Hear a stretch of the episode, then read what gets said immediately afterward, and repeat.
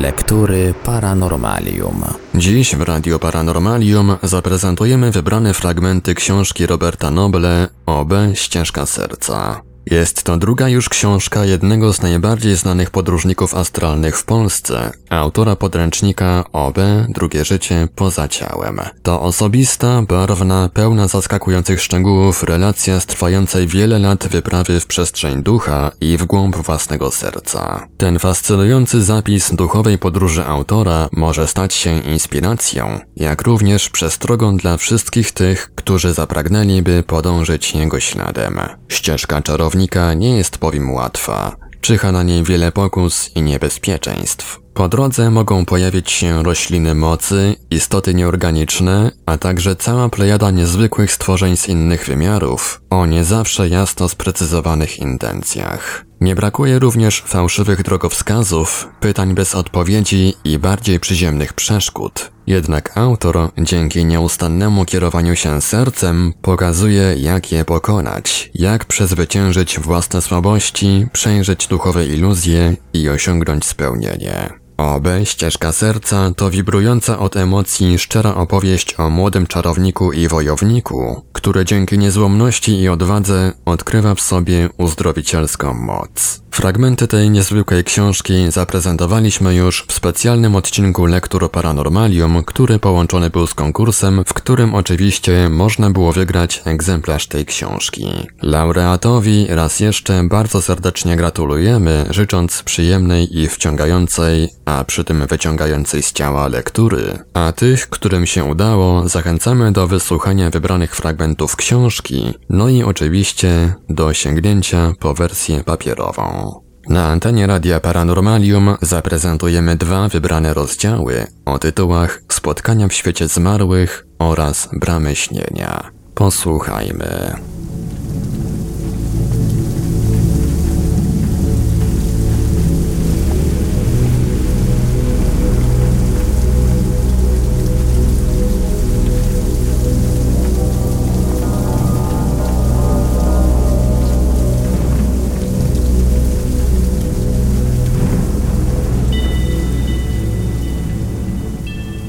Spotkania w świecie zmarłych. Ogromną korzyścią z podróży poza ciałem jest możliwość kontaktowania się z osobami zmarłymi, które odeszły z rzeczywistości fizycznej. Takie spotkania mogą przynieść ogromną ulgę po stracie bliskiej osoby. Przeżycie chociaż krótkiej, ale bezpośredniej rozmowy z osobą zmarłą jest niesamowicie głębokim doświadczeniem.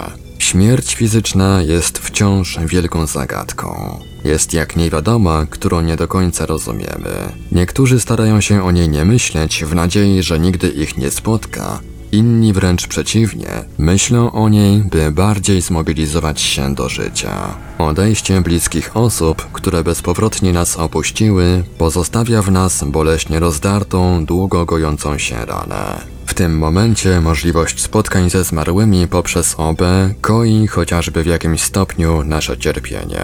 Możemy znowu spotkać tych, którzy odeszli, wyjaśnić to, co nie zostało między nami wcześniej wyjaśnione. Opuszczając ciało i spotykając ich tam, otrzymujemy dowód, że życie po śmierci istnieje. Ból utraty blednie, Ogarnia nas kojący spokój. Otrzymujemy zastrzyk energii, chcemy żyć i rozwijać się dalej. Instynktownie wiemy, że to wszystko tutaj ma przecież jakiś sens, choć nie rozumiemy jaki. Czujemy, że nic nie dzieje się bez przyczyny.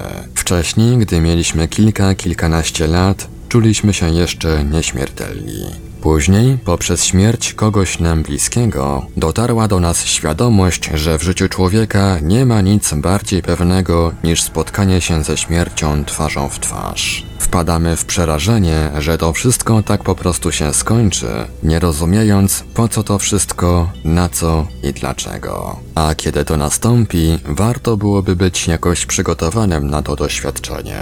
Dotyczy to przecież każdego z nas, bez wyjątku. Wujek Antek. Posługując się techniką 4 plus 1, opuszczam moje fizyczne ciało. Mam wyjątkowo czystą i klarowną świadomość. Jestem na jakiejś pięknej, zalanej promieniami słońca plaży. Wokół widzę opalających się turystów. W powietrzu czuję zapach morskiego powietrza. W oddali dostrzegam błękitną zieleń morskich fal, zlewających się na horyzoncie z lazurowym błękitem nieba. Podążam brzegiem plaży. Woda ochładza moje stopy. Dlaczego jestem tutaj? Czy jest tego jakaś przyczyna? Nic nie rozumiem. Ta plaża, słońce, beztroska. Czy po to opuściłem swoje ciało? Po chwili na mojej drodze spotykam młodego człowieka, przypominającego z karnacji i rysów twarzy Hindusa. Zadaje mi pytanie: Czy chcesz odwiedzić wujka Antka? Ogarnia mnie zaskoczenie i jednocześnie wielka radość, że dzięki OB będę mógł go spotkać. Zastanawiałem się chwilę, kim jest ten tajemniczy mężczyzna, który wyskoczył niczym Filip z Konopi i wtedy telepatycznie uzyskuję informację, że ta postać reprezentuje pewną część mojej wyższej jaźni, na którą składa się wiele ludzkich istnień. Trochę mnie to dezorientuje. Mam zamiar poddać to jakiejś głębszej analizie, lecz nagle pojawia się jasny, precyzyjny komunikat. Na tę chwilę jest on twoim przewodnikiem. Okej, okay, nie ma sprawy. Myślę sobie. Lubię jak coś jest powiedziane jasno, krótko i na temat. Tyle mi wystarczy. Jest moim przewodnikiem i zabierze mnie do wujka Antka. Po co dalej to roztrząsać? Mężczyzna mówi mi, abym podążał za nim. Chwilę po tym odwraca się, wzbija w powietrze i odlatuje. Napięcie i ciekawość rozpierają mnie. Za moment i ja unoszę się w górę. Znajduję się parę metrów za nim, starając się utrzymać go w zasięgu wzroku. Mam świadomość, że podążam za nim dobrowolnie, ale jednocześnie czuję, że między nami istnieje niezwykle silna, nierozerwalna więź. Wiem, że nie stracę go z oczu, bo jak mógłbym nazwać to inaczej? On prowadzi mnie, a ja jestem jak na holu, połączony z nim jakąś niewidzialną liną. Otaczająca nas sceneria rozmywa się całkowicie i nagle widzę ciemny tunel. Podążamy tym tunelem przez chwilę, po czym gdzieś w oddali widzę jasny prześwit. Słyszę gwizd w uszach. Pęd powietrza rozgniata mi policzki. Nie jestem w stanie pojąć tej zawrotnej szybkości, z którą się poruszamy. Dziwne, bo przecież instynkt przy tej prędkości powinien ostrzegać mnie o niebezpieczeństwie. A ja odczuwam taki spokój i bezpieczeństwo, mając przed sobą przewodnika. Wyrzuca mnie z tunelu i natychmiast pojawiam się w nowej scenerii. Jest piękna, słoneczna pogoda. Z zaciekawieniem rozglądam się po okolicy. Zauważam, że jestem sam i przewodnik mnie opuścił. Nie przejmuję się tym wcale, mając ufność, że część mojego wyższego ja doprowadziła mnie właśnie do celu i jego dalsza pomoc jest zbyteczna. W oddali dostrzegam okazały XIII-wieczny gotycki kościół katolicki. Lecąc w powietrzu płynnym ruchem przybliżam się do niego coraz bardziej. Obok, po lewej stronie kościoła, dostrzegam w zieleni trawnika alejkę, a na niej ławeczki z parasolami słonecznymi. Wzrokiem lustruję każdą ławeczkę, zaglądam pod parasole i nareszcie jest. Widzę go. To naprawdę ono. Teraz koncentruję się tylko na nim. Delikatnie opadam na ziemię, zbliżając się do niego. Po prostu nie mogę uwierzyć własnym oczom. Wypisz wymaluj, to jest on. Mój wujek Antek. Siedzi na jednej z ławeczek, cały i zdrowy, z wystawioną do słońca twarzą. Niczym nie różni się od tego z rzeczywistości fizycznej. Wygląda dokładnie tak, jak go sobie zachowałem w pamięci. Jestem niesamowicie podekscytowany i radosny, a zarazem ciągle niezmiernie zdziwiony. Okazuje się, że nie jestem w tym zdziwieniu odosobniony. Obraz niezwykłego zaskoczenia maluje się również na twarzy wujka Antka. Wytrzeszczając na mnie z niedowierzaniem oczy, pyta: A ty co tu robisz, Robert? Znalazłeś się tutaj w tak młodym wieku, pozostawiając wszystko tam? Wciąż nie dowierzając, mój cholerny sceptycyzm, odpowiadam z uśmiechem, że moim wielkim życzeniem było spotkanie go i dlatego tu jestem. Wyjaśniam mu, że prowadzę dalej moje życie na ziemi, ale poprzez lata prób posiadłem umiejętność opuszczania ciała fizycznego ciałem astralnym. Widzę, jak ta wiadomość napełnia wujka Antka wielką radością. Jego roześmiana twarz przekazuje mi telepatyczną wiadomość. Robert, tu jest bardzo pięknie. Mogę prowadzić beztroskie życie. Moje pożegnanie się z życiem ziemskim nastąpiło niespodziewanie i nie była mi dana szansa pożegnania się z mamą, siostrą, tobą i twoim bratem. Mimowolnie zaczynam zastanawiać się, czy kościół, który jest obok, świadczy o tym, że wujek po śmierci utknął w systemie przekonań zgodnym z własną wiarą.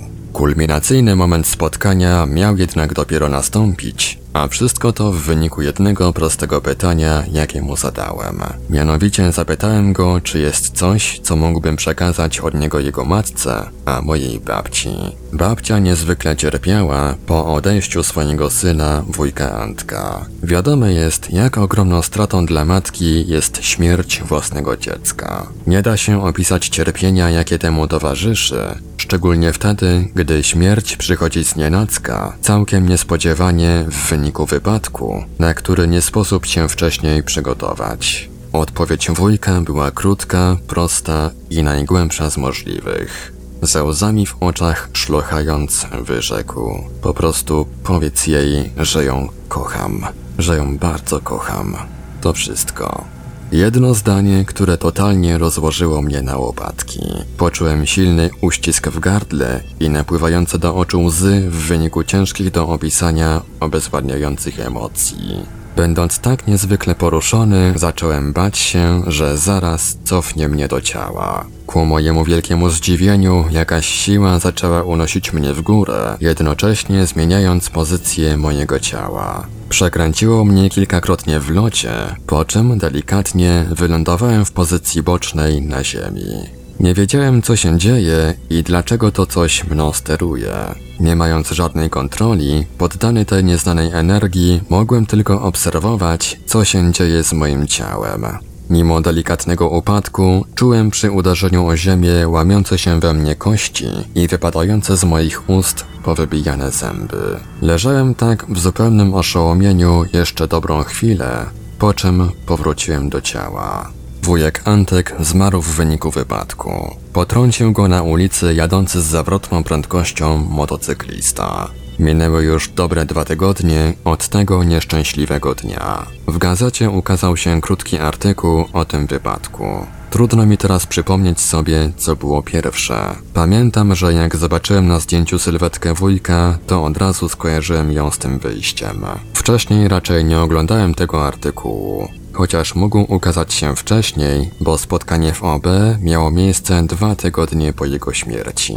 W gazecie zamieszczono fotografię wujka Antka leżącego w kałuży krwi. Choć zdjęcie zostało celowo rozmyte, z łatwością rozpoznałem go, a raczej jego fizyczne ciało. Wtedy zrozumiałem, że mój dziwny, niecodzienny powrót do ciała, związany z brutalnym łamaniem się kości i wypadaniem z ust powybijanych zębów, był niczym innym, jak przekazano mi przez wujka Rotą. Do dziś próbuję zrozumieć, dlaczego wujek Antek chciał, abym poczuł to, co on odczuwał w chwili wypadku. Jaki był w tym przekaz? Następnego dnia, będąc ciągle pod wrażeniem przeżyć z ostatniej nocy, udałem się niezwłocznie do babci.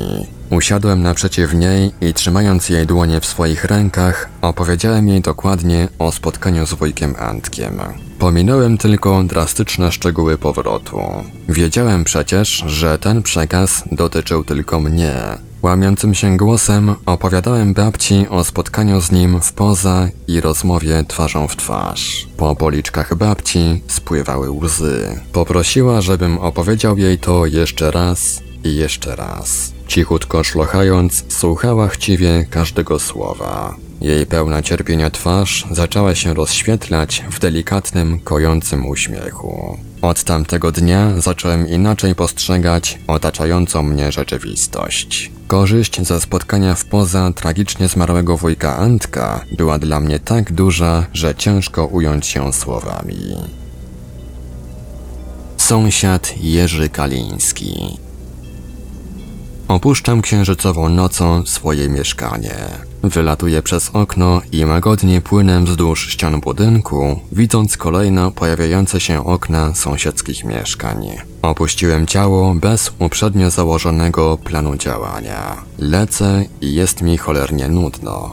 Nie wiem, co mam robić, a więc zaglądam przez okna do sąsiadów w nadziei, że chociaż może przy tej nudzie da się do kogoś zwrócić. Chociażby po to, żeby pogadać. I nagle z tyłu głowy słyszę cichy świst. Wiem, że pojawił się mój pomocnik, moje wyższe ja. I choć go nie widzę, czuję jak delikatnie ujmuje mnie z tyłu pod ramionami i kieruje na balkon sąsiada. Sąsiad Kaliński chorował długo i niedawno zmarł. Nie jestem nawet w tym momencie pewny, czy od dnia jego śmierci upłynęły dwa tygodnie. Wchodzę przez balkon do mieszkania. W pokoju panuje ciemność, rozświetlona tylko poświatą księżyca. Z zaciekawieniem rozglądam się po pokoju. Panuje pewien nieporządek. Na jednym z łóżek śpi w pozycji embrionalnej żona Kalińskiego. Nawet nie zdjęła z siebie ubrania. Przykryta tylko jakimś kocem, majaczy przez scenę. Chodząc po obcym mieszkaniu, czuję, że wkraczam w pewną prywatność ludzką, ale uczucie jest dość ekscytujące. Zwiedzam czyjeś mieszkanie, ale nie jak złodziej, tylko osoba, która chce się czegoś dowiedzieć, mając wobec domowników jak najszczersze intencje. Myślę sobie, że sąsiadka żyje teraz w wielkim smutku po stracie męża i dlatego w mieszkaniu jest taki bałagan.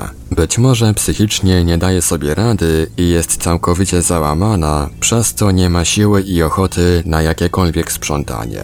Nagle, jakby przez ściany, widzę sąsiada, który znajduje się w łazience. Dosłownie jakbym miał rentgen w oczach. To jest on, po prostu sąsiad, którego znałem. Witam go i zaczynam rozmowę. Odnoszę wrażenie, że pozostaje tutaj czekając na żonę, a więc ma zamiar tak długo pozostać w mieszkaniu, dopóki jego żona nie opuści rzeczywistości fizycznej? Jak bardzo musiał ją kochać, żeby zdecydować się na takie postanowienie. Dla ducha i tak nie ma różnicy, czy poczeka pięć lat czy dłużej, ale mimo wszystko musiał być z nią bardzo silnie związany uczuciowo. Naszła mnie myśl o odzyskaniu. Może powinienem go gdzieś odprowadzić, do miejsca, do którego przynależy. Niestety nie wyczuwam w pobliżu żadnej pomocnej energii, a sam nie mam pojęcia, jak się do tego zabrać. Niech sobie czeka. Widocznie taka jest jego wola. Chcę jeszcze chwilę porozmawiać, ale czuję, że moje ciało fizyczne jest już bardzo odrętwiałe, co staje się dokuczliwe.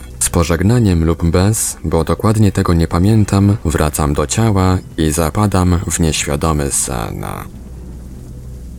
Spotkanie z babcią. Przed snem wyraziłem chęć spotkania się ze zmarłą babcią. Wypowiedziałem w myślach tylko jedno zdanie. Chcę spotkać moją babcię. Babciu, przyjdź do mnie. Leżałem na plecach, pogrążony w całkowitej ciemności. Zazwyczaj ciężko mi usnąć w takiej pozycji, dlatego po prostu trwałem tak, zachowując przytomność i relaksując się beztrosko w ciemnej pustce. Leżąc na łóżku, poczułem nagle wibrację bliskiej mi osoby. Wiedziałem, że w pokoju pojawiła się moja babcia. W tym momencie jej postać zaczęła przyciągać moje ciało astralne niczym wielki magnes. Z pozycji leżącej momentalnie postawiło mnie do pionu.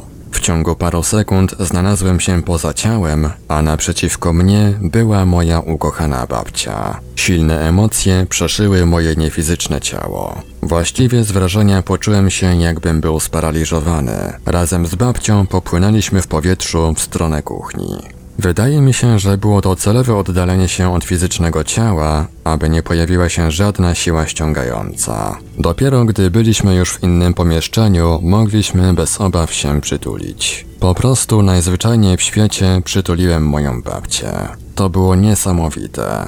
Telepatycznie uzyskiwałem tyle informacji, że mój umysł miał problem, by to wszystko ogarnąć. Najważniejsze, że babcia żyje i ma się dobrze. Tyle było ciepła, miłości, zrozumienia. Jaka to ulga na sercu pojawia się, gdy wiemy, że nasi bliscy ciągle egzystują w innym świecie. Z nadmiaru wrażeń, oszołomiony spontanicznością tego doświadczenia, zacząłem powracać do ciała. Tak krótko to trwało, a jednak tyle rzeczy zostało mi przekazanych. Nie żegnałem się z babcią, gdy urywało mi fazę. Powoli zatracałem wizję, odczuwając ruch w kierunku ciała. Czułem ogromną radość w sercu i wiedziałem, że nie jest to nasze ostatnie spotkanie. Oprócz przytoczonych przeze mnie przykładów spotkań z osobami zmarłymi, były też takie, gdzie spotykałem w poza różne osoby, które same twierdziły, że są zmarłymi. Byli to dla mnie całkowicie obcy ludzie, których wcześniej nie znałem z rzeczywistości fizycznej, ale rozmowy z nimi bywały niekiedy bardzo ciekawe i pouczające. Razem z przyjacielem, którego znałem z rzeczywistości fizycznej, udałem się do miejsca, w którym znajdowało się dużo osób. Głównie były to starsze kobiety i dzieci. Chciałem upewnić się, czy są to realne postacie, czy tylko jakaś kreacja mojej podświadomości. Podszedłem do pewnej starszej pani, chwyciłem delikatnie jej głowę, nie pamiętam czy pytałem ją telepatycznie o pozwolenie i spojrzałem głęboko w oczy. Wpatrywałem się bardzo intensywnie z bliskiej odległości. Widziałem każdy najdrobniejszy szczegół. Dokładnie tak, jakbym robił to w realnej rzeczywistości. Stwierdziłem, że oczy były stabilne, normalne, po prostu rzeczywiste. Zupełnie nic nie wskazywało na to, że ta osoba nie posiada świadomości. Jakby tego było mało, starsza pani zrobiła dziwny grymas, który miał chyba oznaczać, że na zbyt wiele sobie pozwalam w towarzystwie ludzi. Zapytałem, czy wiedzą, że jesteśmy teraz w niefizycznym świecie. Dostałem odpowiedź twierdzącą. Jedna z kobiet wytłumaczyła mi, że są zmarłymi, ale mają pełną świadomość własnej śmierci. Słyszała natomiast o takich ludziach, którzy nie zdają sobie sprawy z tego, że już odeszli. Bardzo często zdarzały mi się tak zwane odzyskania. Uświadamiałem ludzi o tym, że zakończyli swoje życie w świecie fizycznym. W danej chwili czułem, że muszę to robić. Wydaje się, że robiłem to całkiem intuicyjnie i z wielkim wyczuciem. Takie doświadczenia bywały bardzo emocjonalne, ale też sprawiały wielką radość z pomocy niesionej innym. Pojęcie odzyskiwania wprowadził sam Robert Monroe, ale szybko upowszechniło się ono i zaczęli używać go także inni badacze, m.in. Bruce Moen, specjalista od podróży mentalnych. Obaj zajmowali się odzyskiwaniem, jednak różnił ich sposób poruszania się po płaszczyznach niefizycznych. Robert Monroe dokonywał klasycznego OB, zaś Moen podróżował jedynie ciałem mentalnym. Monroe stwierdził, że odkrył obszary, w których przebywają niedawno zmarłe osoby. Wydają się one być tam osamotnione i uwięzione. Powodem tego są często okoliczności ich śmierci, ich wierzenia, przekonania i inne czynniki. Egzystencja ludzkich dusz w tych miejscach, opisana przez Monroe'a, przywodzi na myśl bycie uwięzionym we śnie. Odkrył on jednak, że można pomóc tym zagubionym duszom, uświadomić im w jakiej sytuacji się znajdują oraz ułatwić im przeniesienie się do przyjemniejszego miejsca w obszarach niefizycznych. Pomoc tę Monroe nazwał odzyskaniem. A oto przykład takiego odzyskania, jakie miało miejsce poza ciałem. Znajduje się w budynku przypominającym dużą, starą kamienicę. Nie zastanawiając się zbyt długo, wylatuje przez okno. Na dworze panuje mroczna noc. Jest ciemno, szaro i bardzo klimatycznie, jak w filmie Underworld. Następuje lekkie rozmycie dostrojenia, po czym dostrzegam człowieka. Jest to mężczyzna, siedzi na jakiejś maszynie. Przypomina mi ona urządzenie do frezowania asfaltu. Chcę z nim porozmawiać i dowiedzieć się czegoś ciekawego, ale nagle widzę, jak sanitariusze pchają na kółkach nosze. Na nich leży dosłownie ten sam facet, któremu przed sekundą się przyglądałem. Cała sytuacja zaczyna mnie zastanawiać. Gdzie ja właściwie się znalazłem? Po chwili moim oczom ukazuje się jeszcze inny mężczyzna. Starszy, koło czterdziestki.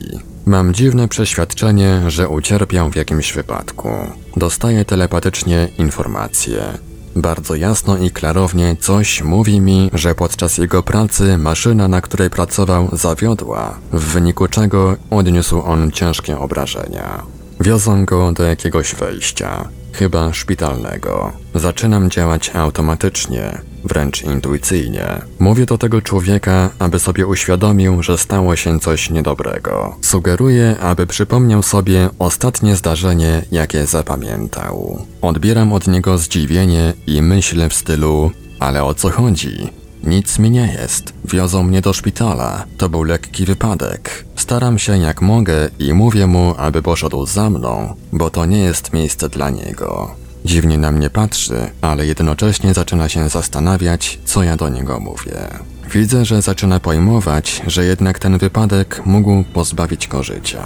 Jest zaskoczony, przerażony, a w jego oczach dostrzegam łzy wzruszenia. Przypuszczam, że powodem wzruszenia nie była informacja o własnej śmierci, lecz to, że pozostawił swoją rodzinę w rzeczywistości fizycznej. Facet sporo waży, ale chwytam go, obejmuję, po czym mówię, że wszystko będzie ok i że zabiorę go w lepsze miejsce. Zaczynamy unosić się w górę. Wysyłam sygnał myślowy z prośbą o pomoc niefizycznych przyjaciół. Nic nie widzę, czuję tylko ruch i ciężar ciała tego mężczyzny. Po jakimś czasie takiego lotu orientuję się, że nie czuję już ciężaru. Facet dosłownie zniknął, rozpłynął się w powietrzu. Dalej pozostaje w ciemności, czekając już tylko na powrót do ciała. Dużo można by mówić na temat samej śmierci. Można rozważać i filozofować na przeróżne sposoby, jak to będzie, gdy już zakończymy fizyczne życie. Doświadczać życia po życiu jeszcze za życia to wspaniała możliwość. Wszystko wskazuje na to, że jedynie doświadczenie OB może temu sprostać w sposób bezpośredni. Ten rozdział pragnę zakończyć bardzo pięknymi słowami Phila Bosmansa. Mamy młode serce tak długo, jak długo umiemy kochać życie takim, jakie ono jest. Życie ze swoimi dobrymi, ale także złymi stronami. Mamy młode serce tak długo, jak długo potrafimy kochać ludzi i życzyć im szczerze tego wszystkiego, czego im brakuje, a tak bardzo jest potrzebne. Kto się starzeje, zachowując młode serce, ten wie, jak należy przyjmować ze spokojem te liczne, małe i większe uciążliwości podeszłego wieku. Taki człowiek zna sens życia i sens umierania. Wie, jak krótkie i jak małe jest wszystko na tej ziemi, bo żyje nadzieją na życie wieczne.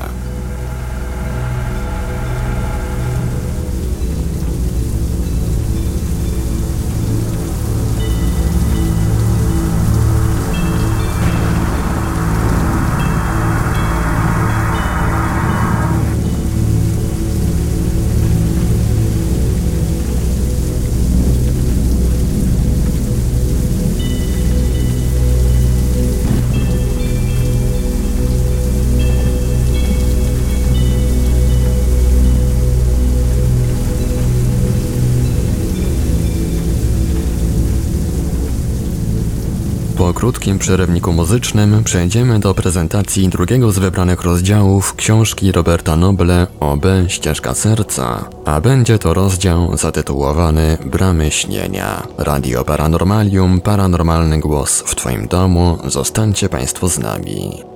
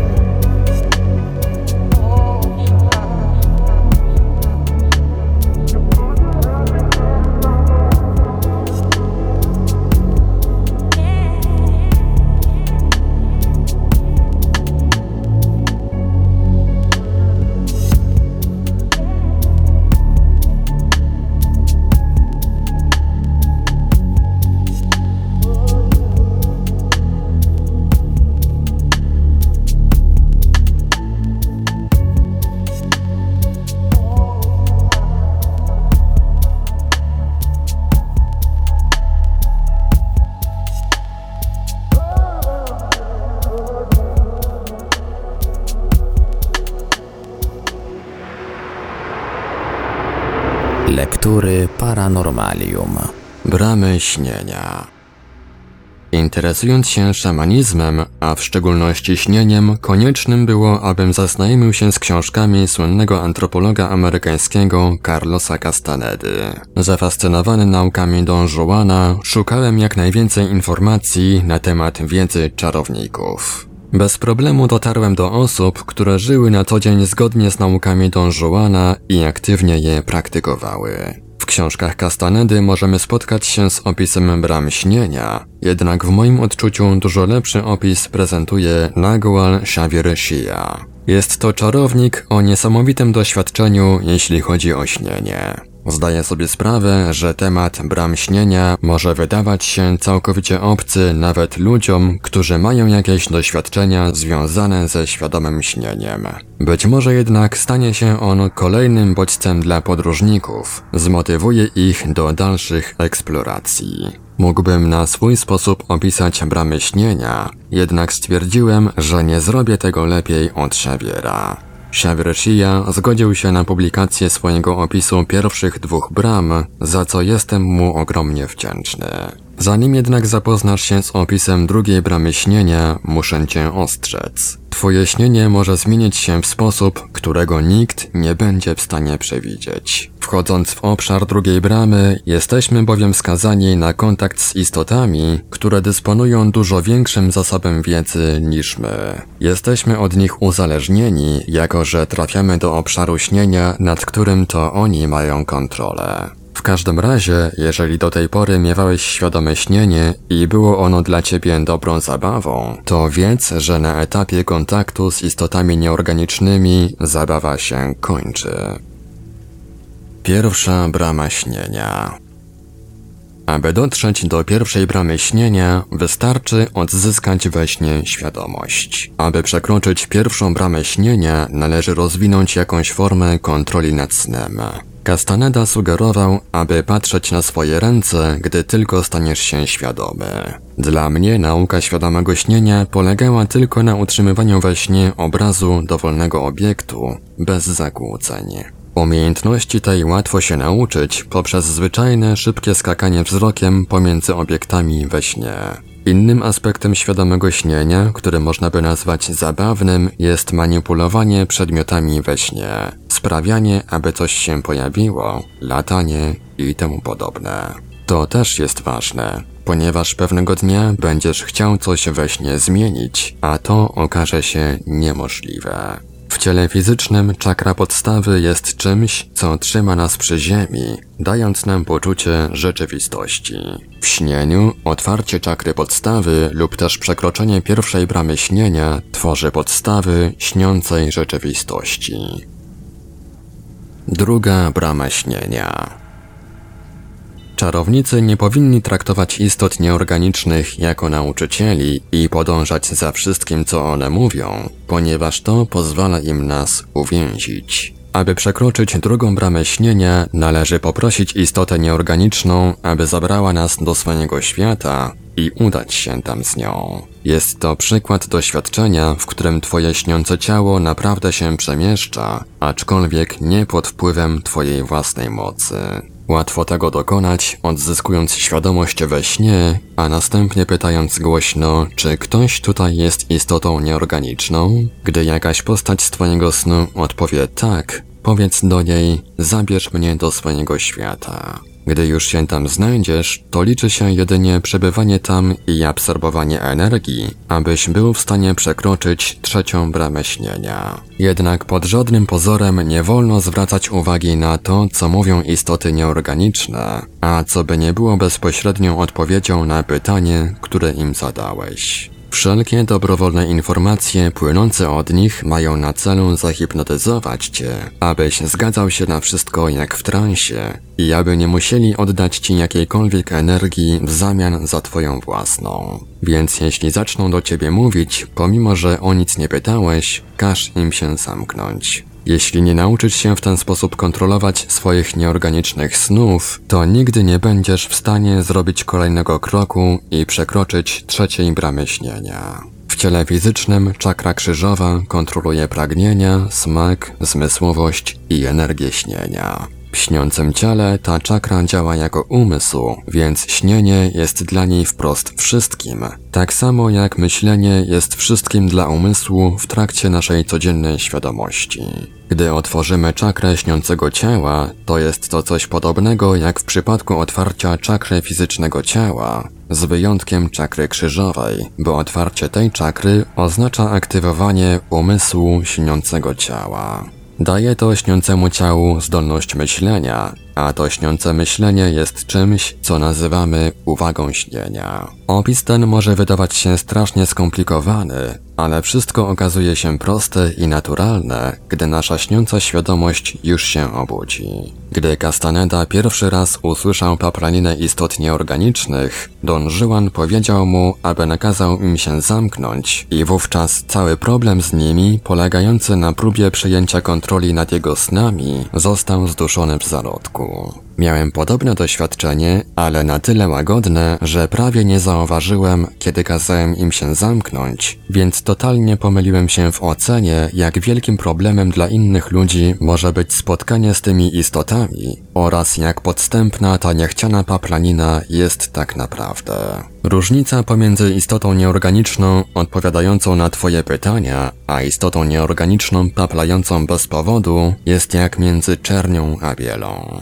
Jeśli ich nie powstrzymasz, to utkniesz w miejscu, ponieważ ta niechciana komunikacja z nimi jest częścią wielopłaszczyznowego ataku na Twoją wolność, kreującą całe rozległe historie, aby wciągnąć Cię w fantazję w celu trzymania Cię w stanie wirtualnego paraliżu. Dlatego właśnie powinieneś ignorować wszystko, co przychodzi w śnieniu, a czego nie zainicjowałeś ani sam nie stworzyłeś. Jeśli jesteś na drugiej bramie, to jest to równoznaczne z tym, że nie umiesz jeszcze śnić, stąd wszystko, co śnisz, nie jest twoim prawdziwym dziełem. Nie kontrolujesz tego. Do momentu, aż nie nauczysz się kontrolować swojego śniącego ciała, nawet nie będziesz w stanie sobie wyobrazić, jak kontrolowane śnienie wygląda. I tutaj żadna ilość informacji na ten temat nie pomoże. Jedyne czego potrzeba, to ciszy wewnętrznej. Ludzie, którzy pozwalają istotom nieorganicznym wciągnąć się w stek bzdur, są beznadziejnymi śniącymi, ponieważ cały sens świadomego śnienia polega na kontrolowaniu własnych snów. Po to właśnie odzyskuje się świadomość w snach. Miarą tego, jak dobrym jesteś śniącym, jest poziom kontroli, jaką masz nad swoimi świadomymi snami. Podążanie za każdą historią, jaką napotkasz w swoim świadomym śnie, nie jest kontrolą, ale czymś całkowicie przeciwnym. Jeśli nie prowadzisz samochodu, a jedynie siedzisz skulony na tylnym siedzeniu, to nie jesteś kierowcą. Jednak jeśli z jakiegoś powodu myślisz, że jest inaczej, to nazywa się to utknięciem na drugiej bramie śnienia. Istoty nieorganiczne nie mają ciał fizycznych, nie jeżdżą samochodami, ani też nie mają niczego podobnego w swoich tunelach. Wszystko to jest tylko projekcją senną, i nigdy nie powinno być brane na poważnie. Zadawaj pytania, aby uzyskać jedynie odpowiedź tak, nie. Gdy widzisz jakieś oznaki życia w swoim śnie, zapytaj, czy ktoś tutaj jest istotą nieorganiczną? Następnie powiedz, zabierz mnie do swojego świata. Jeśli nic się nie wydarzy, to oznacza to, że już jesteś w ich świecie. Wszystkie sny, w których występują istoty nieorganiczne, są ich snami, do których ty zostałeś wciągnięty. Im łatwiej w naturalny sposób przychodzi czarownikowi obcowanie z istotami nieorganicznymi, tym łatwiej jest mu dać się wciągnąć w ich bajeczki. Nigdy nie zaszkodzi, aby mieć intencję kontroli własnych myśli. Jeśli pozwolisz sobie na uwierzenie w ich błahe nonsensy, to wtedy uwierzysz w coś, co jest nieprawdziwe, a tylko prawda ma moc w śnieniu. Więc postępując tak, czynisz siebie bezsilnym. Pracuj nad tym, aby wiedzieć, co jest prawdziwe, a co nie w Twoich snach, ponieważ wiedza ta daje moc. Świat istot nieorganicznych jest solidny, co oznacza, że jest prawdziwy, ale nieco inny od naszego świata. Gdybyś tam żył, to wyglądałby on jak kombinacja tego, co widzisz tam energetycznie, z tym, co widzisz fizycznie tutaj. W momencie, w którym istota nieorganiczna wchodzi do twojego snu, sen staje się jej snem, a gdy już raz odwiedzisz ich świat, zawsze możesz tam powracać. Nasze śniące ciało w sposób instynktowny ciągnie do ich świata, ponieważ tam jest energia niezbędna, aby śnić w innych światach i aby przekroczyć wszystkie bramy śnienia. Nie da się zabrać ich energii siłą. Dostajesz nieograniczoną energię handlując. Musisz za nią oddać trochę swojej. To się dzieje w sposób naturalny w ich świecie, jeśli tylko pozostajesz świadomy i kontrolujesz własne myśli. Pomagają w tym proste ćwiczenia, jak choćby patrzenie na dłonie, potem na inne rzeczy i z powrotem na dłonie. Handel energią odbywa się szybciej, jeśli masz fizyczny kontakt z jednym z nich, niezależnie czy jesteś w ich świecie, czy nie. Gdy pozwolisz im się zahipnotyzować, otrzymujesz znacznie mniej nieorganicznej energii, jeśli w ogóle.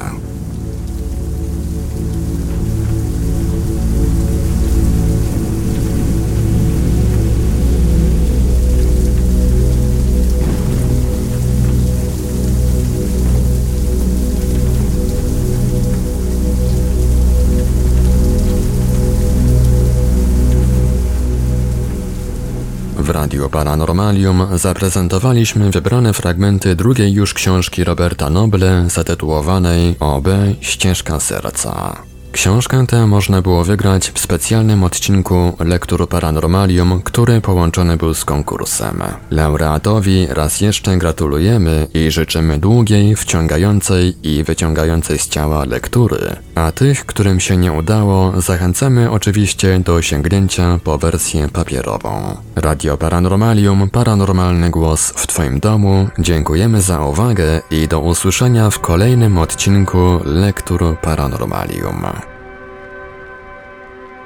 Archiwalne odcinki Lektur Paranormalium znajdziesz do pobrania w archiwum naszego radia na stronie www.paranormalium.pl.